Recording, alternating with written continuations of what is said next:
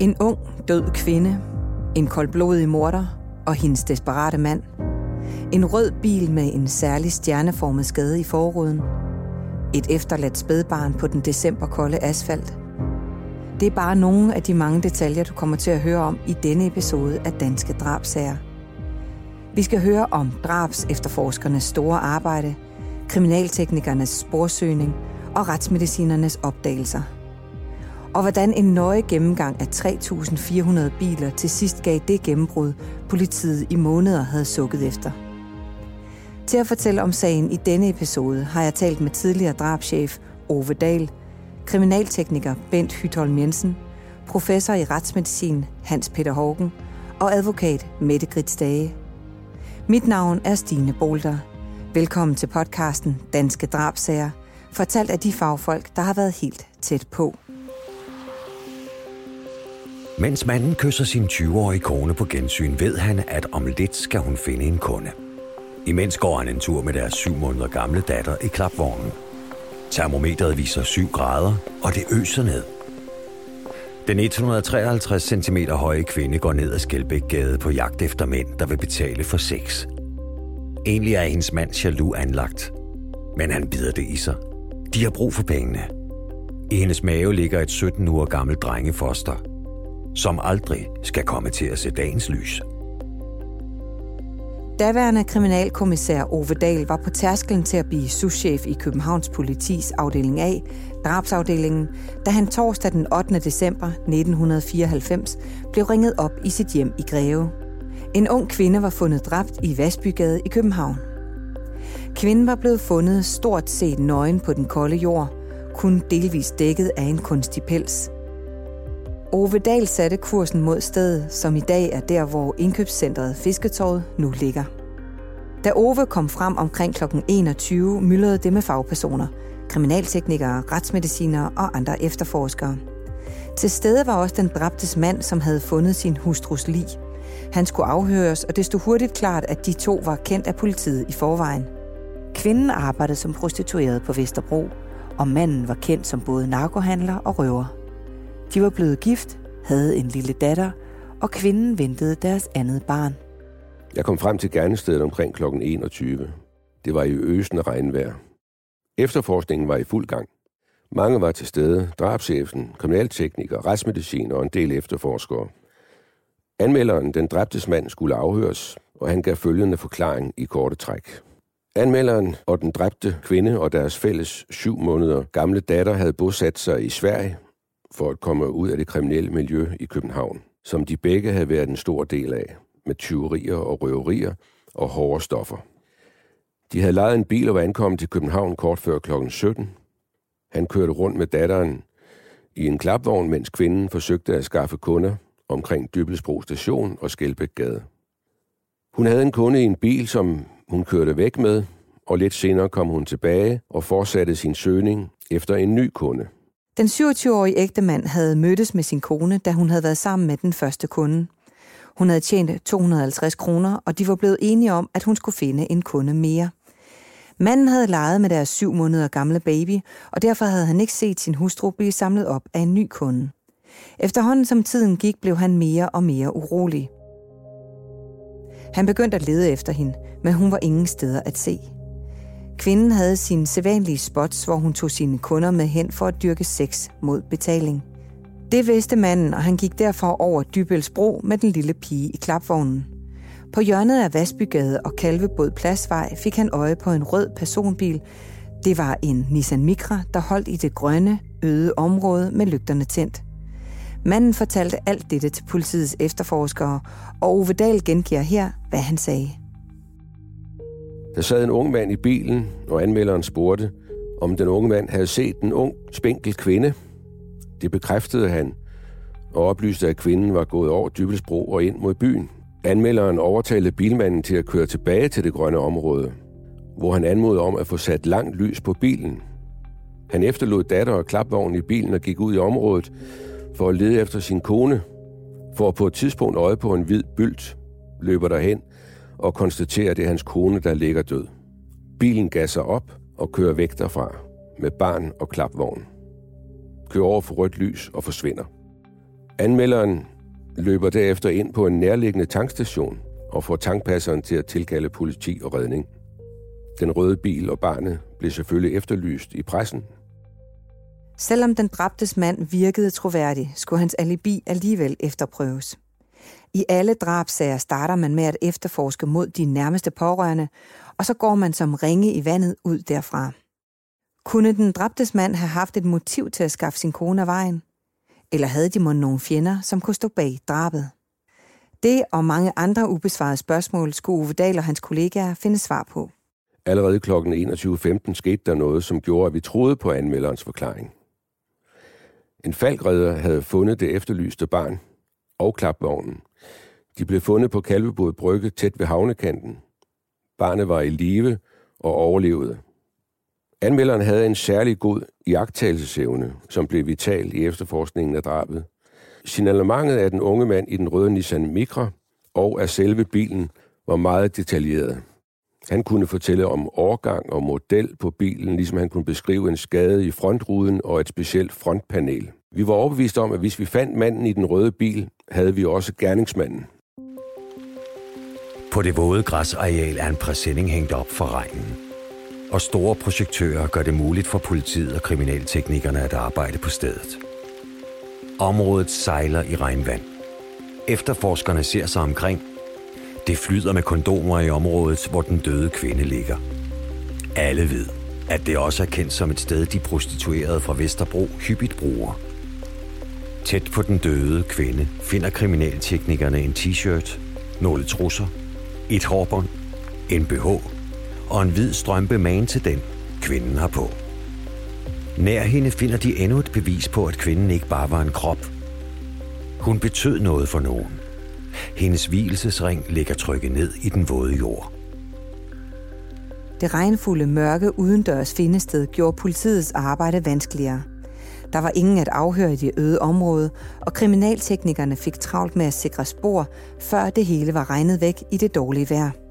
Kriminaltekniker Bent Hytholm Jensen fortæller, hvor besværligt det er at sporsikre, når et drab er sket udendørs.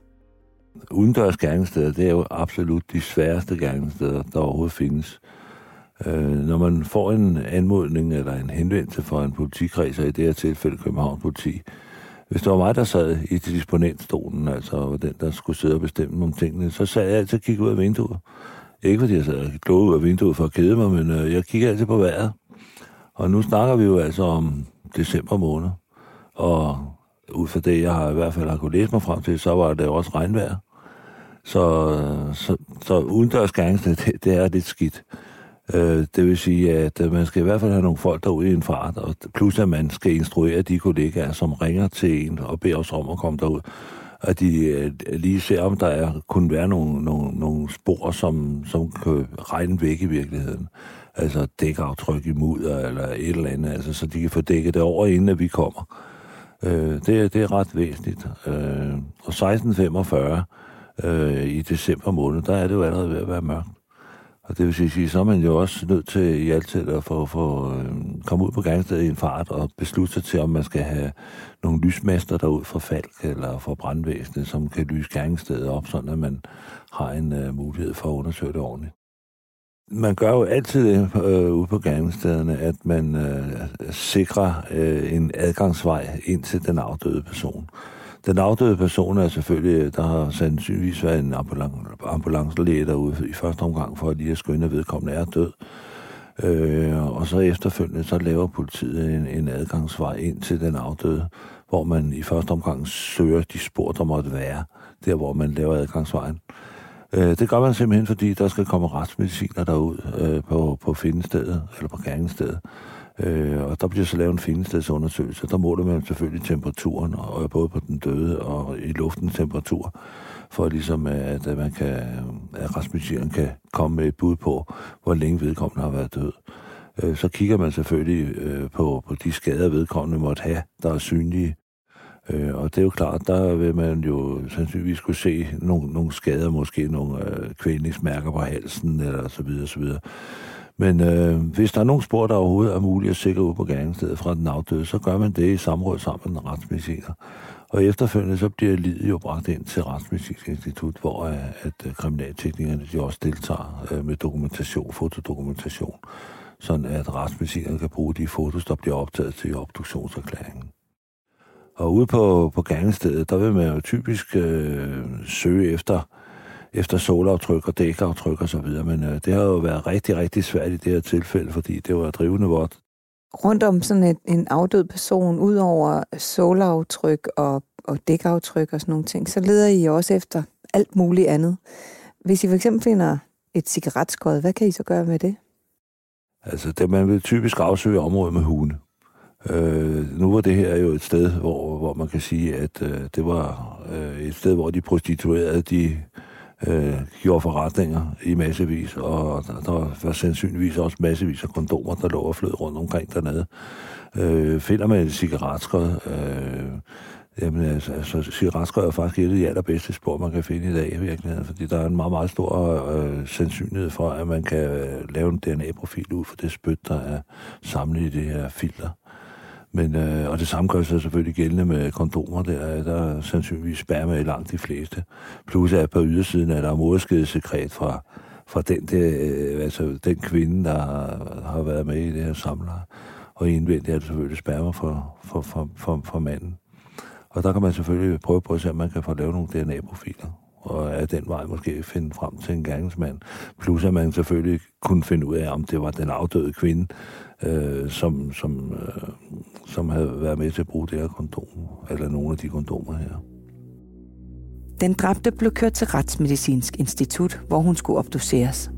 Imens betjentene fortsatte den omfattende efterforskning i prostitutionsmiljøet på Vesterbro, blev den døde undersøgt grundigt, og retsmediciner Hans Peter Hågen fortæller her om de mange fund på livet. Det man finder ud af ved obduktionen, det er, at hun er død ved kvælning ved kværkning. Og det vil sige, at hun er blevet kvalt ved, at gerningsmanden har lagt hænder om halsen på hende og trykket til. Og rigtig klemt godt til og holdt hænder i denne position i nogle minutter. Og det kan vi se ved, at det typisk vil være nogle mærker på halsen. For eksempel små, diskrete røde mærker, måske ovenikøbet blå mærker. Overfladiske hudafskrabninger kan der også tit være. Og så er det noget, vi stort set altid ser. Det er punktformede blødninger, i øjnenes spændehænder, det vil altså sige det hvide øjnene, er det masse små røde prikker. Og dem vil du også tit være på øjenlågene, og også resten af ansigtshuden, bag ørerne og i mundslimhinden. Når man ser dette med de punktformede blødninger, og man kan se mærker på halsen, så tænker man øjeblikkeligt, dette må være kvælning ved kværkning. Så foretager vi jo naturligvis en obduktion, som man altid gør i disse tilfælde. Og så vil vi inde på, i, på halsen, altså under huden, kunne se, at der er blodtrædninger i muskulaturen på halsen, og meget tit er der også brud af det, vi kalder skjoldbruskhornene. Det vil sige skjoldbrusken, eller struben, strubehovedet, har nogle små tappe, som vi kalder horn, af brusk, og disse kan være knækket. Enten begge to, eller kun det ene af dem. Derudover vil der også meget tit være brud af tungebenet tungebændet ligger lige oven over strubehovedet og er som en hestesko. Og når det bliver presset på halsen, så bliver enden på denne hestesko presset sammen, og så knækker tungebændene typisk fortil. Ved en obduktion bliver der også taget prøver fra for eksempel kønsorganerne, og så fra mundhulen endetarmsåbningen, for det tilfælde, at det skulle have været et seksuelt moment i, øh, i dette drab. Og det bliver så, de prøver, vi tager på vatpinde, det bliver så undersøgt af retsgenetikerne med henblik på, om der er DNA-spor i det. Og hvis det så er noget DNA, så er det næste spørgsmål, er det fra den afdøde selv, eller er det fra en anden person? Ved alle obduktioner går vi frem efter den samme skabelon. Jeg vil ikke sige, at det ikke er undtagelse, men når der er obduktion af en kvinde, og det navnlig har været en mistanke om, at det kunne være et seksuelt moment i dette drab, så vil der altid blive taget prøver fra kønsorganerne med henblik på DNA-undersøgelser. Altså, er det sædceller? Og hvis der er sædceller, jamen, hvilket DNA har de i sig? I det her tilfælde var der tale om en afdød prostitueret kvinde. Kan man skille de forskellige DNA-rester, der måtte være fra de forskellige kunder, hun har haft?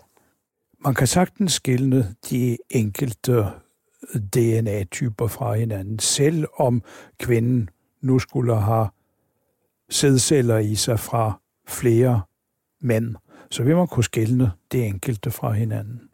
Sædcellerne, de kan godt overleve i, øh, i vagina i et stykke tid. Der er faktisk undersøgelser, som har vist, at man har kunnet påvise sædceller i en kvindes vagina helt op til 6-7 dage efter samleje. Der var altså fundet sæd i kvinden, som skulle undersøges nærmere. Der var fundet dæk og sålaftryk, som skulle sikres. Der var et godt vidne, den afdødes mand, som kunne beskrive den formodede gerningsmand som 1,85 cm høj, almindelig til slank af bygning, med mørk kort hår, som var meget tyndt i toppen. Han var iført en råhvid trøje med rund hals og lyse cowboybukser. Og så var der jo den røde bil med en særlig stjerneformet skade i forruden. Lige præcis den bil måtte de finde, for det var deres bedste og eneste ledetråd, husker Ovedal. Nissan Danmark blev kontaktet, og de kunne fortælle, at der var importeret ca. 3.500 biler, som kunne svare til den beskrivelse, anmelderen havde givet af bilen. Cirka halvdelen var registreret på Sjælland, og det var så ganske naturligt at starte der. Det var en stor opgave, men der var ingen anden vej. Der blev lavet kørehold, og vi begyndte i Københavnsområdet. Opgaven gik ud på at tage kontakt til alle bilejerne, tale med dem, se på dem, se hvordan de så ud, høre om bilerne, eventuelt om de var blevet lånt ud, og så selvfølgelig få lov til at kigge nærmere på bilerne efter den beskrivelse, som anmelderen havde givet. Nogle bilejere blev bedt om at afgive en blodprøve. Betjenten havde blot et par bogstaver fra nummerpladen og bilens særlige kendetegn at gå efter. Mange Nissan Micra-ejere kunne hurtigt udelukkes. For eksempel en kvinde, som aldrig lånte sin bil ud, eller en 70-årig mand. Men mange kunne derimod ikke udelukkes som mulige mistænkte, for eksempel mænd i alderen 30-35 år, eller en kvinde, som lånte deres biler ud til en kæreste, søn eller en god ven. Det tog mange timer, dage og uger af betjentenes tid. Et trivielt besøg hos en Nissan Micra-ejer afløste det næste. Julen kom, og Ove Dahl kunne ikke lade være med at spekulere lidt på sagen. Var de mon på rette vej, eller ville det forblive en uopklaret sag?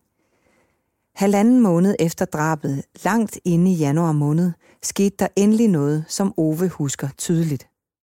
Den 24. januar 1995 var et hold på besøg hos en kvinde i en forstad til København. Der var vist ting, der godt kunne passe på hendes bil. Hun fortalte ligeledes, at hun havde en søn, der kørte i bilen en gang imellem. Bilen havde dog ingen skade i forruden, men kvinden fortalte, at den var blevet skiftet, da hun havde haft et uheld. Sønnen boede normalt hos sin mor, men han var ikke hjemme, da politiet var på besøg, så efterforskerne sagde, at de ville komme tilbage næste dag. Og det gjorde de. Sønnen var hjemme, og han talte velvilligt med politiet. Han kunne ikke huske noget om, hvad han havde lavet den 8. december 1994, men at han formentlig havde været hos sin mor. Betjentene troede på ham, selvom hans udseende passede godt på signalementet af gerningsmanden. Han blev alligevel bedt om at møde op på politigården den 30. januar, så der kunne blive taget en blodprøve. Dengang var DNA-teknologien forholdsvis ny, og det tog cirka en måned, inden man fik svaret. Svaret var negativt. Sønnens DNA matchede ikke sæden, der blev fundet i den dræbte kvinde.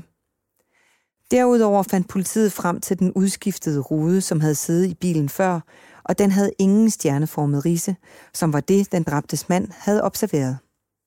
Sådan er det tit i efterforskningen af drabsager. Nogle gange tror vi, at vi er tæt på, og andre gange er vi så alligevel ikke, og så er der kun én ting at gøre, det er op på hesten igen. Never give up. Så måtte politiet igen ud for at tale med ejere af røde Nissan Micra-biler, og de udvidede søgningen til Fyn og Jylland. Hver eneste bilejer blev opsøgt og afhørt. Først næsten et halvt år efter drabet skete der noget afgørende, som Ove Dahl stadig husker tydeligt. I maj måned, da der kun manglede ca. 100 biler at blive tjekket, blev vi kontaktet af chefen for Retsgenetisk Institut, altså der, hvor man foretager DNA-analyser af de prøver, der blev taget. Pågældende kunne fortælle, at der var sket en alvorlig fejl, i det en prøve var blevet stemplet forkert, eller var havnet i den forkerte bunke. Der var alligevel et match mellem en mand og sæden i den dræbte kvinde. Opkaldet fra Retsgenetisk Institut fik drabs efterforskerne den 24. maj kl. 14. De var på vej hjem på en lang weekend, da det var lige før Kristi Himmelfartsdag, men matchet mellem blodprøven og sæden i den dræbte kvinde fik efterforskerne til at glemme alt om ferie og fritid. Matchet var den 22-årige mand, som boede hos sin mor i en forstad til København. Nu skulle han anholdes. Han var i mellemtiden flyttet fra sin mor og boede nu nede på Sydsjælland. Han blev anholdt samme aften kl. 19, sigtet for drabet, som han nægtede kendskab til. Han fastholdt, at han havde været hjemme hos sin mor den pågældende aften. Derefter blev det besluttet, at der skulle laves en konfrontation. Den dræbtes mand blev bedt om at møde på politigården, og her blev konfrontationen arrangeret med syv mænd, og den anholdte, som anmelderen fik lov til at kigge på gennem en glasrude. Kan du ikke prøve at fortælle os det her med sådan en line-up? Det er jo sådan noget, man ser på amerikanske film. Er det noget, dansk politi bruger tit? Altså en såkaldt konfrontation er jo sådan en, øh, en slags parade, kan man sige, hvis man har en mistænkt øh, person. Det kan jo godt være i en drabsag, men det kan også være i en røverisag eller i en anden kriminel sag. Og hvis man har et godt vidne eller flere gode vidner, som måske kan genkende en gerningsmand, så, så bruger man det selvfølgelig i politiet. Øh, det bliver ikke brugt det bliver ikke brugt tit, men det bliver brugt, når det er nødvendigt. Og så handler det jo selvfølgelig om, at man øh, finder nogle personer, som har en vis øh, lighed med den pågældende, som, som nu er mistænkt i sagen. Det hjælper ikke noget, at man, hvis det nu drejer sig om en sort mand, der er mistænkt, at det så er syv hvide, man stiller op. Sådan må man selvfølgelig ikke gøre det. Men der er altid i forvejen en forsvarer, som skal godkende sådan en, en opstilling, inden at man ligesom går i gang med at, at, at, at lave den selve konfrontationen. Øh, og det vi ofte gør, når vi laver sådan noget, det er, at vi jo, vi, vi havde nogle aftaler med nogle forskellige arbejdspladser. Øh, vi stod i den situation, at vi skulle bruge en 7-8 mænd i en passende alder, højde og drøjde osv., så, videre. så kunne vi køre ud på nogle forskellige eller skoler, eller over på postterminalen, eller hvor pokker det var, vi nu hentede nogen hen. Og så fandt nogle mennesker, som godt ville hjælpe, og fik en lille, et lille honorar for det, og så kommer de ind og lader sig stille op i sådan en parade. Og, og det tager jo kun som regel nogle ganske få minutter, øh, så er, er det overstået. Men, men det bliver altså brugt i mange forskellige slags sager.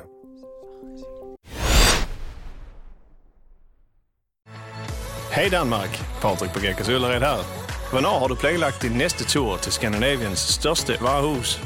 På Gekås i Ullared kan du shoppe og overnatte til fantastisk lave priser. Hvornår kommer du? Shoppa, bo och umgås på Gekås Ullared.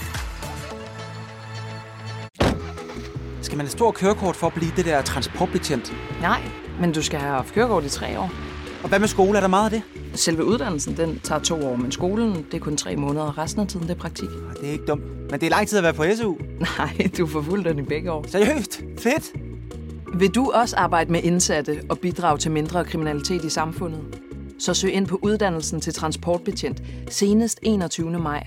Eller læs mere på blivtransportbetjent.dk Ej, det er så spændende. Jeg tror aldrig, jeg har haft den her følelse før i kroppen. Bachelorette er tilbage. Jeg går helt i panik. Jeg kan ikke sige det navn, som skal have min sidste rose. Ja, men det er dit værd. Ikke også? Bachelorette lige nu på TV2 Play. Jeg kommer bare til at nyde hvert sekund af det.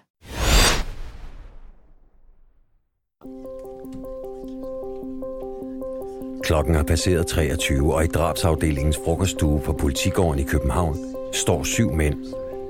En af dem er politiets mistænkte. Bag en blændet rude ind til rummet ved siden af står drabs efterforskeren sammen med den dræbtes mand. De er stille. Manden får opgaven. Kan du se, om en af disse var den mand, du så i den røde bil den 8. december 1994? Han bruger ikke mange sekunder på at se på mændene, der står på række. Først peger han, og så bryder han grædende sammen. På politigården i hjertet af København var Ove Dahl til stede, da konfrontationen gik i gang. Den dræbtes mand brugte kun nogle få sekunder, hvorefter han med sikkerhed udpegede den anholdte, som værende den person, han havde været sammen med i den røde Nissan Micra, den aften, hvor hans kone blev fundet dræbt. Herefter blev den sigtede afhørt igen, og han erkendte nu hele hændelsesforløbet, men nægtede fortsat drabet. Han havde samlet kvinden op, han havde hævet penge, de var kørt ned i det grønne område, hvor de har haft sex i bilen, og derefter var hun gået derfra. Langsomt fik politiet lagt brækkerne, som kunne lede dem til den endelige opklaring af sagen. Han havde slået kvinden ihjel og kørt væk i panik i bilen med barnet, da kvindens mand havde opdaget livet. Skaden i forruden gav efterforskerne hovedbrud i lang tid. For hvorfor var den skade ikke stjerneformet? Det viste sig, at ruden havde været skiftet hele to gange siden drabet. Den stjerneformede skade, som anmelderen havde beskrevet, havde altså været der, fik politiet bekræftet. Kriminaltekniker Bent Hytholm Jensen fortæller, hvordan de i hans afdeling undersøgte den røde bil på alle leder og kanter. Så bliver bilen jo bragt ind til øh, National Kriminalteknisk Center, som hed teknisk afdeling dengang. Øh, og så bliver bilen selvfølgelig undersøgt øh, dels for, øh, for spor, Øh, man ved jo, at øh, den afdødes øh, kæreste har været i bilen, blandt andet. Man ved, at det lille barn har været i bilen, og man ved jo også, at den afdøde øh, prostituerede kvinde har været i bilen. Og om forretningen så er foregået inde i bilen, om det ikke er, det, det, det ved jeg ikke. Det er jeg ikke kendskab til. Men under alle omstændigheder er det jo ret væsentligt at se, om man kan finde nogle, nogle spor efter de her personer, som har opholdt sig i bilen, øh, for ligesom at bekræfte, at det er den rigtige bil, vi er fat i. Men hvordan leder man efter spor i en bil? Der, vi ved jo alle sammen, man kan jo tabe alt muligt, øh, krummer og hår og så videre. Hvordan kan man som kriminaltekniker finde det ene frem for det andet? Der er jo forskellige undersøgelsesmetoder, altså hvor at man dels ser, øh, fingeraftryk er jo absolut det, det bedste spor, der findes i den her verden, fordi der findes ikke to ens fingeraftryk. Det har man i hvert fald aldrig konstateret tidligere. Øh, og, og det er jo klart, det vil man jo så undersøge den for. Øh, men der er jo også ting, at man sådan rent, rent synligt kan måske lokalisere, altså hvis der er tabt et eller andet, et smykke eller en ørering eller et eller andet. Altså, det kan man jo se med sit blotte øje. Øh, så kan man bruge lyskilder, øh, hvor at, øh, man kan være heldig af, at der dukker nogle, nogle, nogle spor op, som man ikke kan se med det synlige øje. Øh, det kan være sperma eksempelvis på et sæde, eller, eller på noget stof, eller på, på gulvtæppe, eller, eller hvor det nu måtte være drøbet hen af. Øh, og det, det, det er måden, man systematisk går til værks. Man kan også vælge at undersøge det for fiber med, med tape på sæderne, og man kan støvsuge med specialfilter, og, øh, men det, det, er, det, er, det er lidt besværligt at arbejde med det her, fordi det er, uanset hvor man kommer hen, så er der jo fiber og støvpartikler og sådan noget, og det skal jo sorteres bagefter, og det skal jo være noget helt specifikt, før det kan bruges til noget. Jeg har på et tidspunkt i en anden sag øh, undersøgt øh, noget, eller hvor jeg brugte det her støvsugerfilter her, og hvor at jeg konstaterede, da jeg kiggede på det under mikroskop efterfølgende, at øh, farvekombinationen af nogle af de her fiber her, det passede fantastisk godt i forhold til nogle fiber, vi har sikret fra et, et tæppe fra Gernsted. Øh, og jeg tror, det var 6 ud af 7, der passede rent farvemæssigt. Øh, også rent kemisk. Der er to muligheder. Altså, der er jo dels den, hvor man sådan øh, ved synet kan se, hvilken type øh, fiber, der er tale om. Og så efterfølgende bliver der lavet en kemisk undersøgelse for at se, hvilke stoffer det er fremstillet af de her ting her. Der var det 6 ud af 7. Men fiber er jo et flygtigt materiale, og et rigtig besværligt materiale at arbejde med, så det skal være, det kan, altså, det, det, det, kan, det kan næppe bruges som bevis, men som et, et kraftigt indicie. Og i det tilfælde der, der kunne det kun bruges som indicie, og det førte ikke rigtigt til noget, desværre. Månederne gik, og lidt over et år efter drabet startede det retslige efterspil. Sagen kom for Østerlandsret i 1996. Der var rejst tiltale for drab ved at have kværket kvinden og tiltale for hensættelse i hjælpeløs tilstand ved at have efterladt den kun syv måneder gamle pige på gaden. Advokat Mette Grit Stage har læst tiltalen og dommen, og hun fortæller, hvad det vil sige at hensætte nogen i hjælpeløs tilstand. Pigen lå i bilen. Han tog hende ud af bilen og lagde hende simpelthen på Kalvebod Brygge og kørte fra stedet. Og det, man skal huske på her, det var, at vi taler en lille baby, som ikke havde ret meget tøj på, og som blev efterladt ude i det åbne rum med dårligt vejr. Helt generelt, så har vi jo i straffeloven det her med at hensætte folk i hjælpeløs tilstand. Hvad vil det sige? Vi bruger ofte den her paragraf i straffeloven i uh, sager, hvor gerningsmanden først har udsat offret for uh, for eksempel for grov vold, og øhm, så øh, forlader gerningsmanden offret, mens offret jo ligger hjælpeløs hen. Og det er jo en alvorlig ting at gøre, fordi man kan jo sige, hvis ikke øh, offret øh, øh, lider under de skader, man allerede har fået, eller måske endda kan dø ved dem, så kan det jo i hvert fald gå helt galt, når man ligger der alene og forladt med skader, og gerningsmanden øh, ikke har tilkaldt hjælp. Så derfor er det simpelthen en forbrydelse at forlade folk, der er i hjælpeløs tilstand. Udover i sager, hvor, øh, hvor gerningsmanden har øh, for eksempel tæsket offret eller voldtaget offret, og så forladt stedet, og offret ikke selv er i stand til at tilkalde hjælp, så er det her også en paragraf, der bliver brugt i øh, forbindelse med færdselssager, øh, hvor man har påkørt et offer, og så smutter man bare. I sagen her, hvordan forholdt den tiltalte sig til anklagen? I den her sag, der nægtede den tiltalte, at han havde slået kvinden ihjel, men han erkendte, at han havde efterladt den lille pige på, ude på gaden.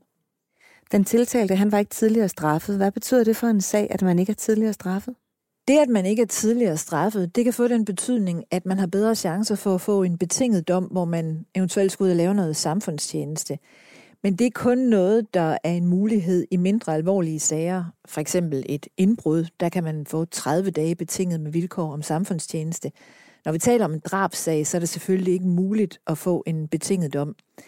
Men det kan så have den betydning, at straffen i hvert fald ikke går ud over det, der er tommelfingerreglen. Hvis man derimod er tidligere straffet, så kan straffen blive højere, end hvad der er tommelfingerreglen.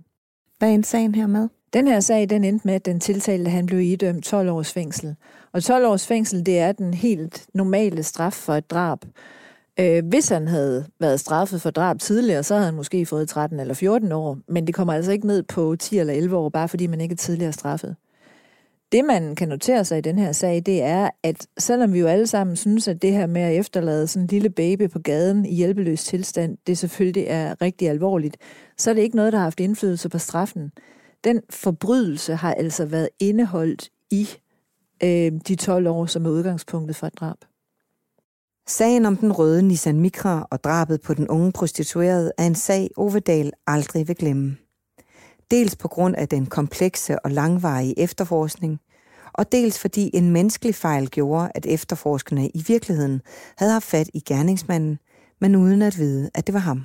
På grund af den fejl, der nu kom til at ske, så kom der jo til at gå forholdsvis lang tid. Altså, vi kunne måske have fået svaret i stedet for, eller det rigtige svar, i stedet for i, i midten af februar, i stedet for nu fik vi det så i maj måned. Jeg husker tydeligt, at min min daværende chef, han var ikke særlig begejstret, og jeg tror også, han talte sådan lidt med store bogstaver, men, men der var jo ikke noget at gøre ved det, men han sagde, at det havde da været rart, hvis vi havde fået de informationer øh, de der tre måneder forinden. Øh, det havde sparet os for, øh, for rigtig, rigtig mange øh, køretur øh, rundt på Sjælland, men det har også sparet øh, resten af politikredsene på Fyn og i Jylland, øh, alle de undersøgelser, som vi, der nu blev foretaget.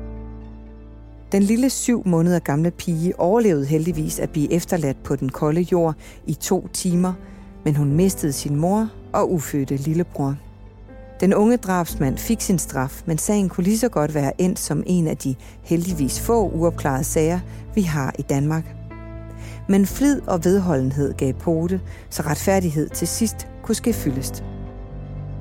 Tak til tidligere drabschef Ove Dahl, retsmediciner Hans Peter Hågen – advokat Mette Gris Stage og kriminaltekniker Bent Hytholm Jensen for jeres fortælling. Speaks indtalt af Henrik Forsum. Podcasten er produceret af Bauer Media og True Crime Agency. Mit navn er Stine Bolter. Tak fordi du lyttede med.